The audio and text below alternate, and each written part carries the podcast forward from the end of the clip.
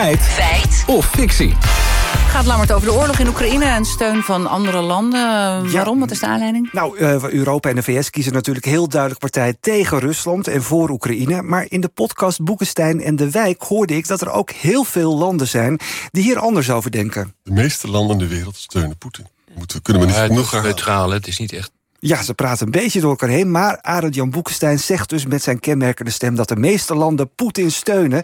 En Rob de Wijk die probeert het al een beetje te nuanceren. Ja, want klopt, het steunen inderdaad de meeste landen inderdaad Poetin. Nou, dat zijn we gaan uitzoeken. We belden allereerst met David Kriekemans... hoofddocent internationale betrekkingen aan de Universiteit van Antwerpen.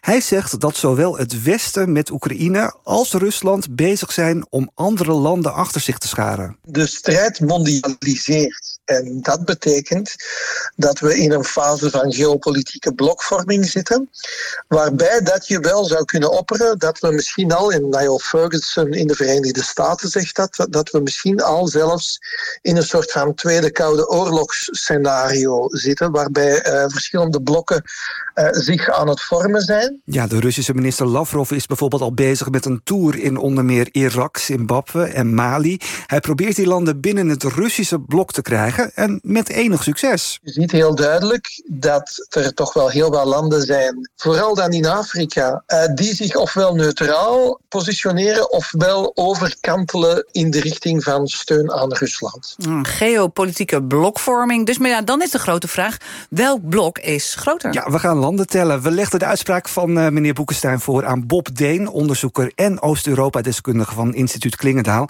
En dit was zijn eerste reactie. Ik denk niet dat je kan zeggen dat de meeste landen Poetin steunen. Wel kan je zeggen dat het grootste gedeelte van de wereldbevolking, ongeveer twee derde, uh, wat positiever tegenover Ru Rusland staat dan wij hier in het Westen. Ja, maar Boekenstein zijn toch duidelijk de meeste landen. En de meeste landen steunen Poetin dus niet. Dat blijkt uit een stemming afgelopen oktober in de Algemene Vergadering van de Verenigde Naties. En die is door 143 landen van de 193 in de VN uh, veroordeeld. Dus uh, driekwart van de landen veroordeelt die invasie. Maar vijf landen waren er tegen en ongeveer 35 onthielden zich van stemming. En in die 35 landen wonen wel een heel groot gedeelte van de wereldbevolking, waaronder China en India. Maar goed, een overgrote meerderheid van de landen steunt Poetin dus niet, maar keurt de Russische agressie juist af. Alleen Noord-Korea, Belarus, Syrië, Nicaragua en Rusland zelf stemden tegen een veroordeling. Maar ja, dat is dus echt maar een handjevol. Oké, okay, handjevol landen dus tegen Rusland gestemd toen, maar keurt twee derde van de wereldbevolking die oorlog van Poetin niet af? Ja, klopt, want veel landen zoals China, Brazilië, India en Zuid-Afrika stellen zich formeel neutraal op. Maar hun inwoners lijken meer begrip te hebben voor Poetin dan dat de meeste Westelingen dat hebben, zegt Bob Deen. En er is een, onderzoek geweest van de Universiteit van Cambridge, waaruit dat verhaal kwam dat twee derde van de wereldbevolking uh, wat positief sentiment heeft richting uh, Rusland. Terwijl het bij de liberale democratieën, wat in totaal zo'n ongeveer 1,2 miljard mensen zijn, daarvan staat 87 procent juist heel negatief ten overstaan van Rusland.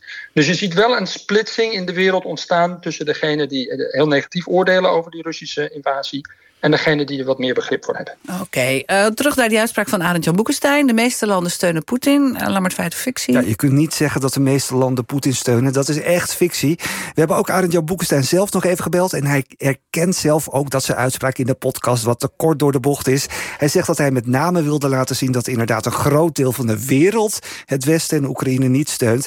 En ja, daar heeft hij wel weer absoluut een punt. Buiten de westerse landen zijn er inderdaad veel mensen die enig begrip hebben voor de oorlog van Poetin. Oké. Okay.